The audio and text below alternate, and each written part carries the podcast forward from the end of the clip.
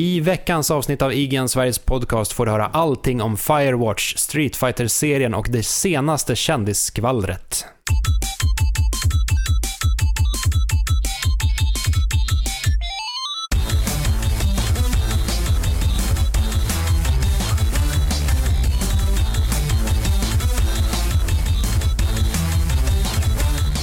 Hej och välkomna ska ni vara till IGN Sveriges podcast avsnitt 127. Avsnittet efter den stora Final Fantasy 7-specialen står det här i dokumentet. Ja, som vi körde förra veckan. Jag heter Per Landin, med mig har jag Viktor Sjöström, men ingen David Grundström som vanligtvis är vår eh, tredje hälft. Vår stöttepelare, vår boj i bukten. Vår, vår, Vår eh, termos och tri- gryningen. Vår Triforce.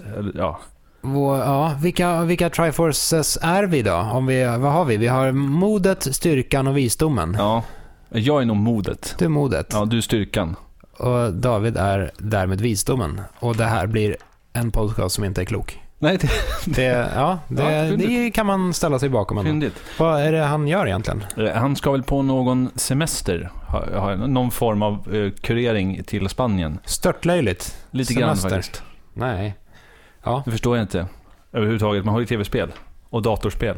ja, det här begreppet semester, det går mig förbi. Eh, och det ska väl även sägas att jag, eh, eftersom jag inte har eh, en semester, sitter i en jättedeadline just nu. Eh, jag blir förmodligen kvar här långt in på natten eh, på kontoret eh, som ligger ovanför den lilla spelgrottan som vi sitter i. Ja, men vad är egentligen grejen med det? För att Levels deadlines Mm. är alltid, den- går alltid in på, långt in på midnatten eller någonting. Varför, varför, varför inte en lugn lämning? Varför är liksom, man kommer in på måndag eller på tisdagen. Hej, nu är allt klart, nu går vi, lämnar in det här till tryckeriet. Av, av alla tidningar som Rosett Media gör, då det är inte jättemånga, men det är Level, det är Robot eh, i olika länder ska jag säga. Och det är en eh, specialtidning om World of War, nej inte World of Warcraft, den eh, gör vi inte. Utan Inte om Minecraft. Alla tidningslämningar brukar vara ganska lugna affärer, förutom just Level som är totalt kaos och eh, ja, det är pill jätte, jätte långt in på natten. I det här fallet så ska vi göra en eh, eh, extra tjockt nummer också och då det kanske bidrar till att det är mycket kaos. Men i alla fall, vi, jag, jag har inte hunnit planera någon podcast eh, och David försvann på semester så det, vi, får se, vi får se vad det här blir. Vi förhandlade ju eh, länge om det här, om att ja, men, ja, jag kanske kan köra på tisdag. Nej, fuck it. Jag sticker iväg. Jag flyr landet. Ja. Så att vi brukar ju ha vanligtvis ett ganska hyfsat körschema ändå. Med. Ganska hyfsad kvalitet. Ja, och nu har vi bara kastat ihop någonting. Ja. Men å andra sidan, i förra veckan så körde vi som sagt en Final Fantasy 7 special som var, den var väl en och en halv timme lång. Så ni kan ju alltid se de här podcastsen som någon form av, jag vet inte. Man balanserar ut det lite. Ja, komplement till varandra kanske. Att det här blir den korta podcasten. Säger vi så här i förhand, nu kanske det blir en och en halv timme ändå, vi får se. Jag är fortfarande inte riktigt nöjd ändå med att vi... Alltså det var en gedigen... Jag tycker att vi gjorde ett bra arbete i den podcasten. Vi kan gå direkt på kommentarerna då, eh, för att relatera till det. Mm. Jag har fått kommentar från Christian Y som har twittrat dig och mig. Jag ogillar Final Fantasy 7, men era diskussioner om spelet i senaste podden var det bästa ni gjort fram tills nu. Tack! Glad smiley. Det här är jättesnällt Ja, det var, sagt. det var kul. Värmande, rörande. Tack, tack så jättemycket för att du lyssnar på podcasten och gillar det vi gör. I alla fall det vi gör i förra avsnittet. Ja, exakt. Och det jag tycker bara att det känns som att även fast vi gjorde en timme och 23 Tre, minuter kanske. så finns det mycket som var osagt. Jag Ja. fick ett fruktansvärt sug efteråt. Du upplevde ett, ett jävla mörker. Ja, jag upplevde ett mörker, så nu ska jag sätta mig och spela ner... Spela... Så nu ska jag sätta mig och spela igenom det här snart igen. Förmodligen streama eller någonting. Mm. Du var lite sur över att vi inte gick in tillräckligt mycket på varken Shinra eller eh, Turks-organisationen. Ja, det är lite bittert faktiskt. ja. Jag tycker att det är en gedigen... Jag tycker det är en bra organisation. ja. De är, de är, de är riktigt genomonda och det ja. fick ingen plats. De, är, ju- ja, de- har ju en lite märklig struktur också. De är så här kombinerad eh, ont imperium och eh, jag vet inte. Jättekonstigt i alla fall. Eh, vi har en till kommentar, vill du ta den? Vill jag ta den? Ja, det är David Forsberg som eh, tyvärr har skrivit en ganska lång grej, eller tyvärr, men det är ett faktum i alla fall. Eh, och det här återanknyter till avsnitt 125, tror jag bestämt, när vi frågade efter var någonstans vi skulle vilja placera olika spel. Alltså om vi kunde grunda spelkoncept i riktiga platser. Eller hur vi nu formulerade frågan. Eh, I alla fall, ett perfekt ställe för ett skräckspel vore Universitetssjukhuset i Linköping. Sjukhus generellt fungerar eh, för skräck, men det som gör just det här sjukhuset speciellt är att det är byggt på en kulle. Eh, och det är ett kulvertssystem där den lägsta nivån är plan 1. Det här gör att du kan gå in på plan 1, ta ett par trappor upp och sedan helt plötsligt komma ut på marknivå. Och det skulle ju vara ganska förvirrande. Han, han, eh, han eh, tror att det skulle bli någonting helt i klass med The Evil Within i alla fall. Det här tror jag att jag har sett någonting om. Det finns något program på SVT som heter Hemliga rum. Och eh, jag kan ha fel, men där så har de med ett sjukhus. Att i någon form av kulvertsystem så finns det jättemycket gamla nedlagda försvars, försvarsrum eller någonting. Där man skulle Mm. typ vårda krigsskador och allting. Mm. Det vore intressant att veta om det här är Linköpings universitet. För då håller jag med David, det här kan bli en, ett, ett jättebra spel. Mm. Om än lite ooriginellt, får man väl säga. Jaha. Så här, sjukhus och skräck, det är en väldigt, väldigt be- beprövad kombination. Så det känns ju lite mer spännande om man kan lägga skräckspelet någon annanstans. Å andra sidan så blir det väldigt effektivt. Uh, Silent Hill 1 har ju eh, en mycket, mycket bra scen också. Just på tal om uh, våningsplan och att man inte riktigt vet var någonstans man befinner sig. När man söker igenom hela sjukhuset och det är helt övergivet. Och sen åker man upp till den tredje våningen, eh, övergivet och stängt överallt. Går tillbaka till hissen för att åka ut och då har det dykt upp en knapp till en extra våning som inte fanns där.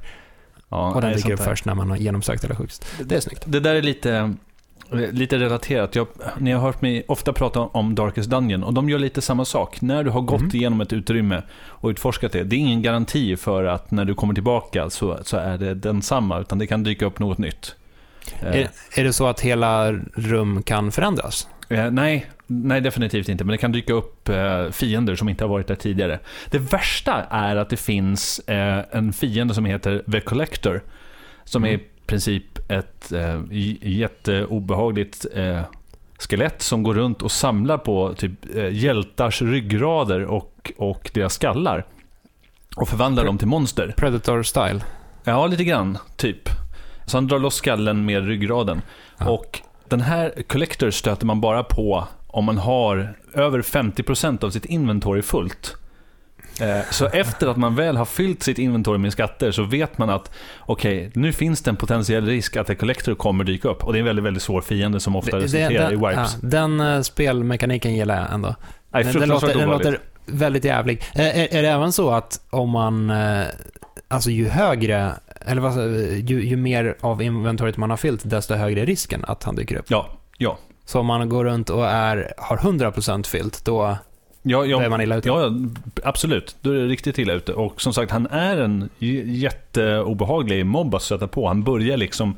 Eh, alla, alla strider blir ju så här... De pop, poppar upp i ansiktet på en. Så ett tomt rum kan plötsligt fyllas med mobs för att in, när en strid initieras. Right. Så man här ju till lite grann när det händer. Mm. Och samma sak det är att, att när Collector kommer in så hör man verkligen så här avgrundsstönande. Och det är, ja det var lite derailing i alla fall. Men tack David för den kommentaren.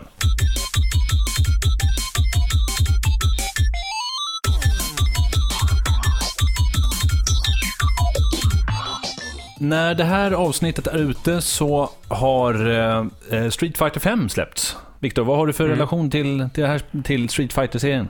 Jag, jag gillar Street Fighter men jag, jag är ingen, jag kan inte påstå att jag är en sån här hardcore, eh, hardcore spelare som drar på turneringar och så vidare. Jag, som många andra så spelade jag väldigt mycket Street Fighter 2 och det, det var där jag upptäckte serien. Eh, det jag verkligen uppskattade med Street Fighter 2 var att i princip, i princip alla kunde spela Street Fighter 2. Så här, var, om man drog på en fest någonstans och det stod en Super Nintendo där, då så här, alla kunde de grundläggande specialmovesen i Street Fighter 2, så man kunde utmana i princip vem som helst som man mötte på så här, ja men nu kör vi lite Street Fighter 2. Street Fighter 3 körde jag inte jättemycket. Jag, jag observerade det på håll eh, och tyckte att det verkade väldigt häftigt, men jag spelade det först efter efter piken kan man väl säga. Eh, Street Fighter 4 spelade jag en, eh, en hel del, men jag har inte hängt med i uppdateringarna. Jag är fortfarande kvar på Vanilla Street Fighter 4. Eh, Så jag har inte tagit mig an Super Street Fighter 4 eller vad heter det, Arcade Edition. Alfa, eller, Turbo. För Ja. mig, för mig jag, jag tycker det är konstigt bara att, den, att Street Fighter, jag har ingen riktig relation till Street Fighter. Du är mer en Tekken-kille Jag är mer Tekken Soul Calibur, jag är lite mer Namco än Capcom i det här fallet. Och jag- tycker det är kul att du säger att det var så enkelt att plocka upp, för jag har alltid fått känslan av att när man sätter sig ner med Street Fighter så är det så extremt komplicerade moves i förhållande till, till Tekken som oftast är så här dubbeltapp, eh, svep väldigt mycket. Men det känns som att Tekkens, eh, det känns som att eh, Street Fighters rörelseschema är mycket svårare, men det kanske har blivit på senare tid. Ja, alltså i ettan, där, där kunde man komma väldigt långt med bara eh, vanliga hadoukens. Och det är ett svep. Ja, precis. En eh, kvart. Det fanns ju inte så jävla många fler. Det var en spinning piledriver som var väldigt svår, Sungifs. Nej, men sen, jag minns bara att det har släppts tusen Street Fighter-spel, känns det som. Så att, att det bara heter Street Fighter 5 känns så främmande när jag vet att det är ja, men som där, oh, Street Fighter Alpha Street Turbo 5 kolon 2. Ja, Alltså det- jag vet inte. jag vet inte. Det, det, jag skulle snarare säga att det är, jag tycker det är lite fascinerande att, att det har släppts så få Street Fighter-delar. Visst, det har släppts jättemånga uppdateringar. Eh, och, det, och det här var ju eh, även en... Jag vet inte om några av våra lyssnare hängde med på den tiden när, när, när Street Fighter 2 var som mest populärt och uppdaterades till ja, Super Street Fighter 2 Turbo. Eh, det kom massor med Street Fighter 2-uppdateringar, eh, men det kom aldrig något Street Fighter 3. Och eh, då var ju Street Fighter 3, det, det fanns någon märklig liksom, myt runt det. Att så här, det, går in, det går nästan inte att göra ett Street Fighter 3. För så här, varje gång Capcom gör något, det, blir antingen en uppdatering eller så blir det något Street Fighter Alpha-sidospår. Så här, vi kommer aldrig få se ett Street Fighter 3. Framförallt så var det väldigt, väldigt, väldigt mycket kloner av Street Fighter. Man pratade så fort om ett fightingspel kom så var det en Street Fighter 2-klon. Ja, absolut. Det skapade ju en, en eh, genre i princip. Nej, men ska man... E egentligen så är ju inte Street Fighter alls lika söndermjölkad eller förstörd för den delen som eh, många av Capcoms andra serier. Eh, Kanske till och med alla Capcoms andra serier. Oj, ja. Ja, men om man kollar på... Tufft. Jag tycker absolut att Street Fighter har klarat sig bättre än så här, till exempel Resident Evil, än Megaman, än... eh, Ja, vad har Capcom för serier? Egentligen. Resident Evil, Megaman kanske? Megaman. Ehm, ja, eh, de hade Turtles-licens en gång i tiden. Det var pinsamt. Ja, i alla fall. Capcom skulle ha kunnat släppa många fler Street Fighter-delar än vad de har gjort. Men nu har de bara släppt fem huvudspel och det tycker jag är lite coolt. Vi har en annan nyhet också, jag är inte riktigt säker på. Det, är det du som har skrivit in det här? Ja, jag vet inte riktigt vad jag vi- ville säga med detta egentligen. Men det är jag som har skrivit in den. Ja, berätta. Jaha. Eh, det är mest att eh, teaser-trailern för Kanye Wests eh, kommande spel Only One, The Game, har släppts. Såg du den här trailern? Nej, det har jag inte. Den... eh, Men visst är det så att han är ihop med Beyoncé? Ja, det vet jag ingenting om. Jag tror att han är ihop med jag, jag Beyoncé. kan absolut ingenting om kändisar. Nej, men jag tror att det är så här att han är ihop med Beyoncé. Jag skulle, inte, jag skulle inte kunna det- det spotta re- en låt av någon av dem om så mitt liv hängde på det. Jag, ska, nu, jag kan ingenting om varken Hollywood eller, eller populärmusik. Det Jag, jag som- kan norsk black metal från 90-talet. jag känner mig som 80-årig gammal gubbe. Eh, Eller är, det, är han ihop med den här Rihanna? Åh herregud. Ja, det är, den nivå, varit- det är den nivån vi ligger på. Hon har varit på nyheterna i alla fall väldigt mycket. Och hon, är inte hon som har det här spelet också som alla spelar? Det här modespelet? Eller vem är det som har utvecklat det? Du vet det här sanslöst populära mobilspelet. Är inte det Kim Kardashian? Eller så är de kanske, den kanske är samma person. jag vet. Det är någon av dem som har en Är det hon? dokusåpa i alla fall. Är det hon som är ihop med eh, Kanye West? Säkert. Ja, jag, jag vet inte. Eh, ni kanske kan reda ut det här, eh, lyssnare. Eller, eller låt helst bli. Låt bli. Ja, i alla fall, trailern till detta spel Only One, The Game, där får vi se eh, tydligen eh, Wests mamma som flyger upp mot himlen och eh, lyftar med en Pegasus och blir en ängel. Det, det här är lite motsägande, tycker jag. För hur kan hon börja flyga upp och sen så lyfter, lyfter hon med en Pegasus som har vingar Mm. och sen så får hon vingar när hon blir en ängel. Mm. Säger du Pegasus eller Pegas förresten? Jag säger Pegasus. Ja. Vad skulle man säga Pegas? Jag vet inte. Säger du Pegas? Nej, det har väl hänt någon gång. Men inte i just den här podcasten, Nej. tydligen. Nej, Pegasus heter det. Ja, men hon börjar flyga eh, och sen landar hon på hästen och sen efter ett tag börjar hon utveckla vingar. Och sen har jag för mig. Jag detaljstuderade inte trailern i alla fall. Jag eh, vet som sagt inte riktigt vad den här nyheten gör på den här listan. Kul för West. Ja, bra. Kul att ha ett eget spel. Det har inte jag. En betydligt roligare nyhet kan man då kanske säga eh, är att Destiny får en uppföljare 2017. Och vad innebär det här? Är det en, en, helt ny uppföljare eller en form, form av expansion? Det får väl antas att det är ett, ett nytt spel.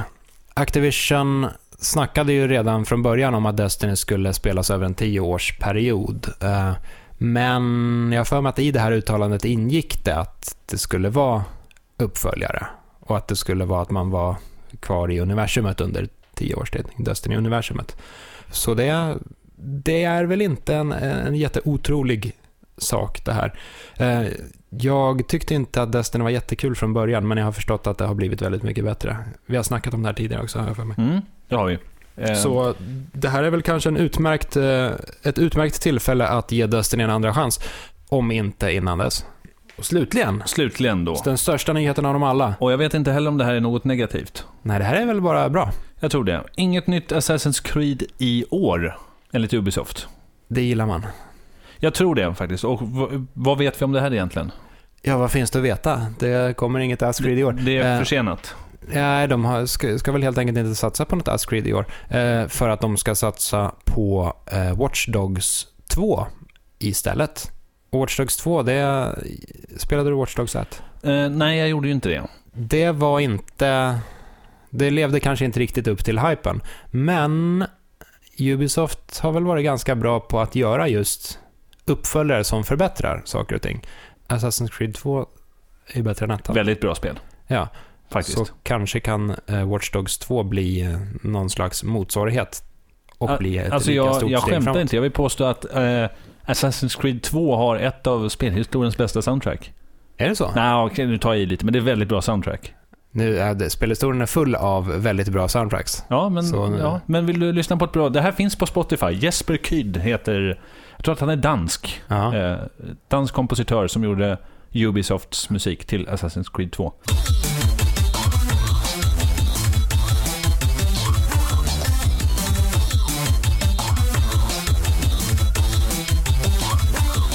Som sagt, det är snabba bud här idag. Det gör vi för att väga upp för förra gångens jättelånga podcast. Och för Detta att, är högt, högst medvetet och planerat in i minsta detalj. jag tycker det här känns som att man åker en sån här bil i hög hastighet ut för ett stup och bara hoppas på På, på det bästa. att det går bra. Och bildäcken brinner och soppan är slut och man kan inte styra situationen. Vi bara kör liksom. Det låter som Just Cause 3.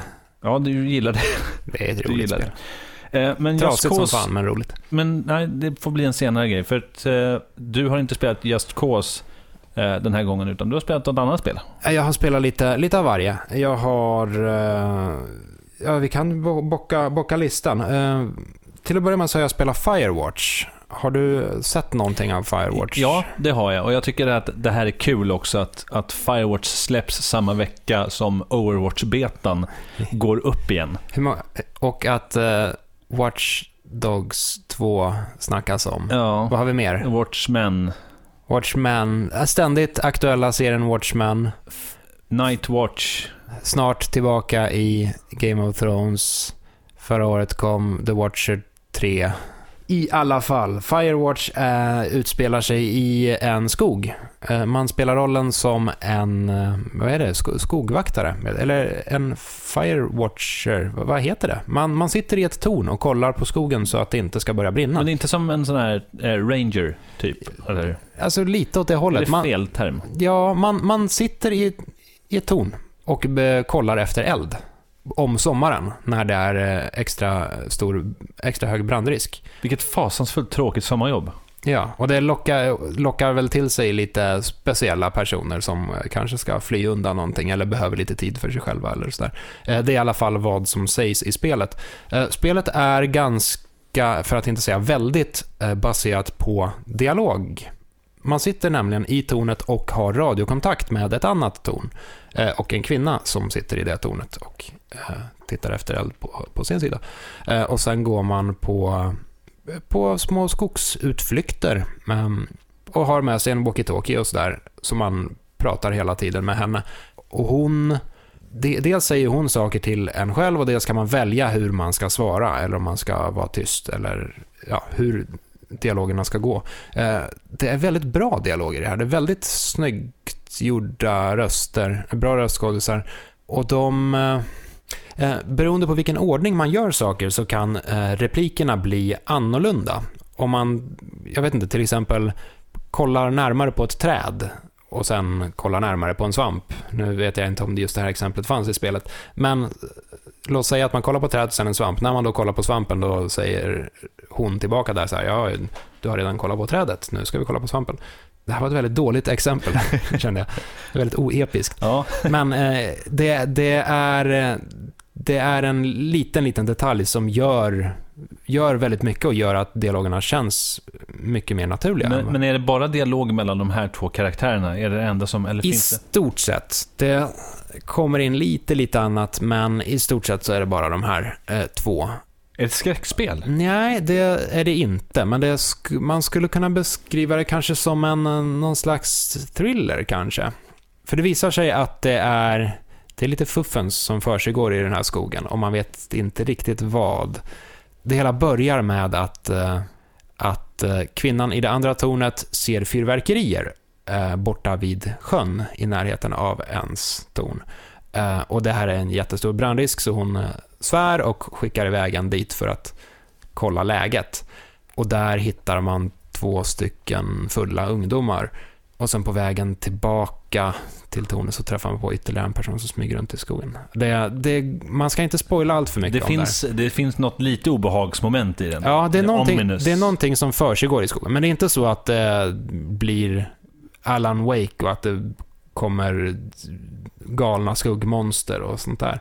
Eh, utan det är ändå ganska rotat i verkligheten. Och det är vä- väldigt fin natur också. Det, det, det är väldigt lätt att kolla upp det här på internet. Och jag Mycket antar, orange va? Lite Ja, precis. Jag antar att de flesta lyssnare redan har sett det här på bild. Det är, det, det är so, solnedgång the game, typ. Men det är inte så pass... Eller det är inte så snyggt som det framgick på förhand, tycker jag ändå. Det är ett snyggt spel, men på bild så såg det helt otroligt vackert ut. Och riktigt så bra är det inte. Och utan att spoila själva handlingen så vill jag nog ändå påstå att kanske de två första tredjedelarna av spelet är bättre än den sista tredjedelen. Eh, Det Du har tappar, klarat det alltså? Ja, det är inte ett speciellt långt spel. Det tar kanske fyra timmar eller någonting sånt. Eh, Men det tappar på slutet, tycker jag. Så på en IGN-skala, den 13-gradiga skalan, så ger jag det kanske en eh, stark åtta. Mm. Något sånt. Right. Sen har jag även, om inte du har spelat något, jag vet inte. Jag har just- vad har du gjort? Ja, det har jag väl gjort, men ibland så spelar jag saker som jag tycker, nej, vill folk lyssna på det här? Men jag har faktiskt plockat upp Terraria igen, eh, Oh. av olika anledningar. Då och då så, så bistår jag eh, den fiktiva robotredaktionen. eh, nu ska vi inte för vara sådana, fiktiv säger du här. Okej, eh, jag bistår robotredaktionen. Eh, Ja. Robot är alltså eh, speltidningen för eh, de lite yngre spelarna som vi ger ut här. Precis, och Den har en delar, tecknad redaktion. ni delar alltså kontor med, med eh, karaktärer som Robot, Star, Haito, Amir och, Uncle Jake Otto. och Jun. och Otto. Det är en, en, eh, van, en eh, levande robot, det är en talande katt, det är en gammal eh, eh, spelmästare. Tjej från Korea. Ja, kom hit för att börja recensera spel. Och det är lite, lite allt möjligt. Jag ger i alla Jag fall skulle, dem säga att de feedback. är, jag skulle säga att de är, de är inte fiktiva, de är tecknade. De är tecknade. Tecknade eller inte så har jag spelat eh, Terraria då. Eh, Mm. För Robots räkning. Och det här har jag sugits in lite grann. Jag är inne i ett eh, sånt här, vad, vad ska man säga, sandlåde-stim just nu. Det är mycket Ja. Minecraft, det är mycket Terraria. Tack gode gud så är det inte något Starbound. Eh, för det är inget bra spel. Nej, jag har inte spelat eh, Starbound på länge i sig. Senast jag spelade, var, det var ganska tidigt under utvecklingen och då var det, dels var det ganska trasigt och sen var det inte speciellt långt. Man kom till typ, först, jag tror att det var första bossen, det var ett UFO. Ja, Och efter det så fanns det typ inget innehåll mer. Men det, ver, det verkade inte alls lika roligt som Det var Terraria. väldigt eh, slow-paced tyckte jag. Ja. Så att det var, det var etappvis. Jag gillade inte det här Quest-systemet som de hade. Eh, mycket som var otydligt. Men i alla Mm. fall då så, så Terraria. i Terraria så finns det väldigt mycket nytt content. Sen 2011 har de kastat in verkligen en drös med grejer och eh, jag vet inte, det här måste vara ett år gammalt nu men jag har liksom inte tagit tag i det. Och de har kastat in nya bossar, för det Ja. har verkligen blivit Terrarias grej. De, de började som en ganska exakt Minecraft-klon i 2D. Men till att hitta den här nischen av, ja men vi ska göra, vi ska göra riktigt coola bossar. Ja, det, det är mycket mer äventyr än Minecraft. Det är inte lika, med, inte lika mycket byggande, men mycket mer äventyr, mycket mer loot Mm. och bossar. Ja, precis. Ja, men det, det är ju nästan lite åt RPG-hållet i och med att du hittar eh, vapen med olika stats, du hittar eh, accessories som ger dig olika egenskaper som att du springer snabbare, du får, Mm. ja, jag vet inte. De hittar på jättemycket olika saker. Där är de mycket mer kreativa än, än Minecraft. Eh, Men då finns det en boss, eh, två nya bossar. En som heter typ Martian Inv- Invaders, där man slåss mot marsianer som kommer att invadera en. Mm. Och hela den här processen att få dit dem till ens karta är, kan vara lite knepig. Och sen så finns det någonting som heter Lunar Event och den är riktigt lång. Det börjar med att man hittar ett par kultister. Dödar du de kultisterna så spånas en superkultist. Spöar du superkultisten så dyker det upp fyra pelare i världen av de fyra elementen som du måste besegra. Och de är ganska svåra. Är Och- pelarna i sig bossar? Typ, de är statiska men det kommer väldigt mycket eh, speciella eh, fiender och mobs som, eh, som hindrar dig från att slå på den här pelaren. De är lite som Icon of Sin i Doom 2. Ja, det vet jag faktiskt inte. Det kan jag inte relatera till. Ja, Men den har typ Han var som vägg. Grejen att du måste spöa ett antal eh, mobs för att få ner pelarens kraftfält och när kraftfältet är borta så kan du gå bärsärk på pelaren. Ja. När alla fyra pelare är förstörda så det här har de gjort så himla snyggt faktiskt. Eh, trots att det är pixelgrafik och i 2D så integrerar de ibland lite ganska snygga ljuseffekter eh, i spelet. Ja, Och då har de lagt på ett litet, litet, litet flimmer som visar att typ först för, musiken försvinner. Det kan gå flera minuter och allting är bara tyst efter att man besegrat allting. Så man går runt där, traskar runt, drar hem till basen, helar sig. Så ser man hur, hur, eh, hur, hur skärmen så flackar till lite och flimrar. Man märker att det är, här, "Nej, men det är någonting som är fel. Eller, är, är min skärm som krånglar? Eller vad händer? Ja. Sen blir skärmen normal igen. Sen går det ytterligare, eh, flimret tilltar. Och då börjar man rysa. Vänta nu, det är någonting som är fel. Och till slut så blir flimret så kraftigt och plötsligt så skiner allt upp ett stort flash och då dyker Moonlord upp. Och det är någon form av gammal gud eh, som täcker i princip halva skärmen. Ja. Och det är spelets svåraste boss. Och han har jag försökt besegra och sedan övergå till att farma för att kunna bygga en massa coola föremål. Vad, vad, hur besegrar man bäst honom? Jag, jag, jag har inte tagit mig... Jag tror att jag kom upp till Golem var nog den sista boss- bossen som Ja, just det. lades till. Det tror jag att man kunde döda med, vad var det, Mi- Mini Shark eller Mega Shark eller någon av de där Ja, automat just det. pickadollerna. Precis. Mega Shark, det är ett bra vapen. Ja. Duger det mot Moonlord? Pff, nej, det gör det inte. Vad ska man ha istället? Vad ska man ha egentligen? Eh, de, har ju lagt till Nyansword som skjuter nyankatter på folk. Det här säger en hel del om Terraria. Ja, eh, nej men Martian eh, Attack har lagt till ganska mycket coola vapen också. Så du får mycket nya skjutvapen som är bättre än Mega Shark Ja. i princip. Laserpistoler kanske? Laserpistol och någon som typ skjuter eh, homing missilkulor, eller hur man säger, homingkulor. Schysst. Ja. Shit. Men det är kul för de har lagt till så mycket, det, det är inte bara det här, det är nya möbler. Eh, framförallt så får du ut mycket mer valuta för om du bestämmer dig för att sta- starta en helt ny gubbe. De har lagt till något som heter expert mode, som gör alla fiender mycket svårare, inklusive bossarna. De får Det- också roligare ja. loot. Detta är alltså in, det har ingenting med hard mode att göra. Nej, ingenting. Utan det, det här är ett läge man väljer när man skapar världen. Ja, exakt. Aha. Och då, det är som sagt, det är bättre loot, mer pengar, svårare fiender, du dör mycket enklare. Men framförallt så har de också ändrat så mycket exploration. I princip varje zon har ju fått nya föremål och nya subzoner. Så att du hittar mer så hemliga tempel, hemliga gångar. De har lagt till så här minecarts som går genom flera mil i underjordiska system. Så det tycker jag är, det är kul. Alltså jag har spelat det här spelet sedan 2011 och det fortsätter uppdateras. Så det är Mm. stort plus. Mm. Det, det är kul hur, spel fungerar nu för tiden. Nu låter jag väldigt gammal, upptäckte jag. Att man får content på det här viset. Att man, man har spelat ett spel ett tag och så bara, oj, nu dök det upp en, ett par nya fiender eller en ny boss. Ja, men jag tycker det är sjukt att man får det gratis. Jag har pröjsat typ 100 spänn för Terraria, om ens det. Mm. Och i fem års tid så har jag fått content gratis serverat till mig hela tiden. Ja, absolut. Och visst, flera spelföretag tar betalt för det, men eh, ja, det, jag gillar det.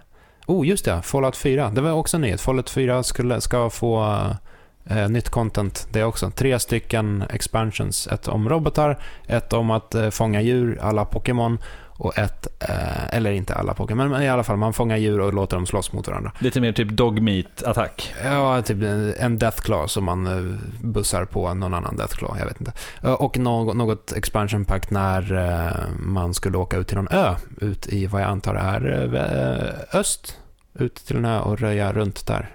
Då låter ju robotar klart tuffast. Ja, det verkar som att eh, den, den sistnämnda, ö- åka ut till ön, är huvudexpansionspacket. Det är det som är dyrast i alla fall. Vet vi hur det har gått för Fallout? Jag har inte sett några siffror, eller jag har inte letat efter några siffror heller, men jag, kan inte, jag, jag antar att det har gått väldigt bra. Omåttligt populärt.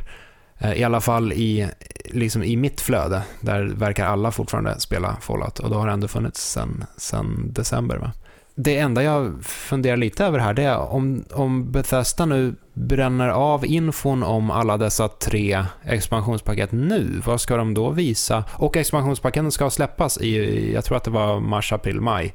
Vad, vad, vad, vad ska de då visa på sin konferens på E3? Jag var övertygad om att de skulle släppa det stora feta Fallout 4 expansionspaketet som en bomb där. I och med att de ska ha en konferens. Vi får se.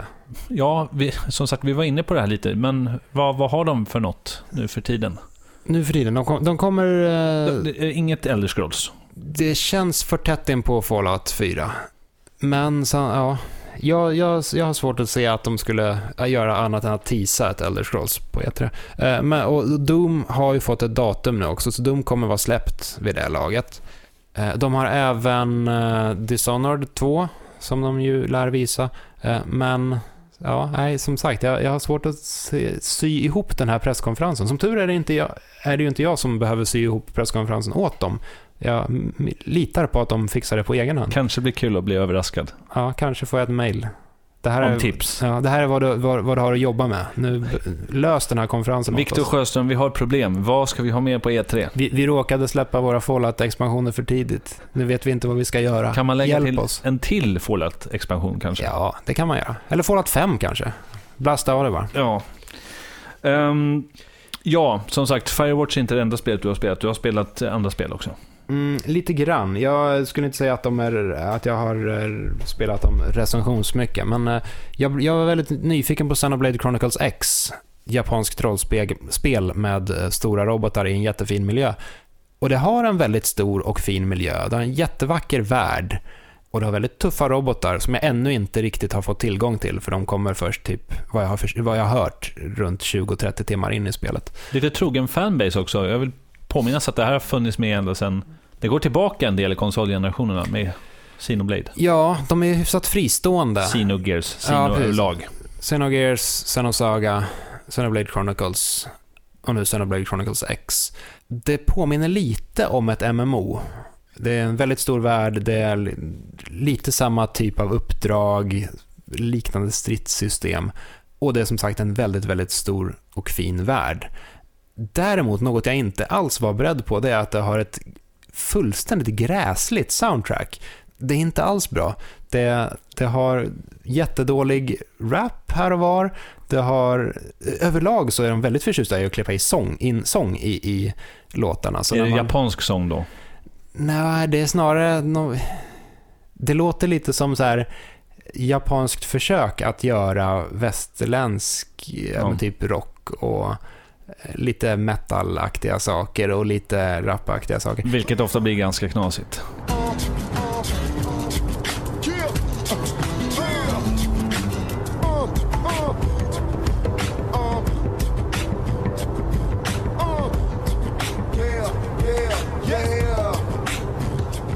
Jag, jag vet inte fan om jag kommer palla med att spela igenom det här spelet.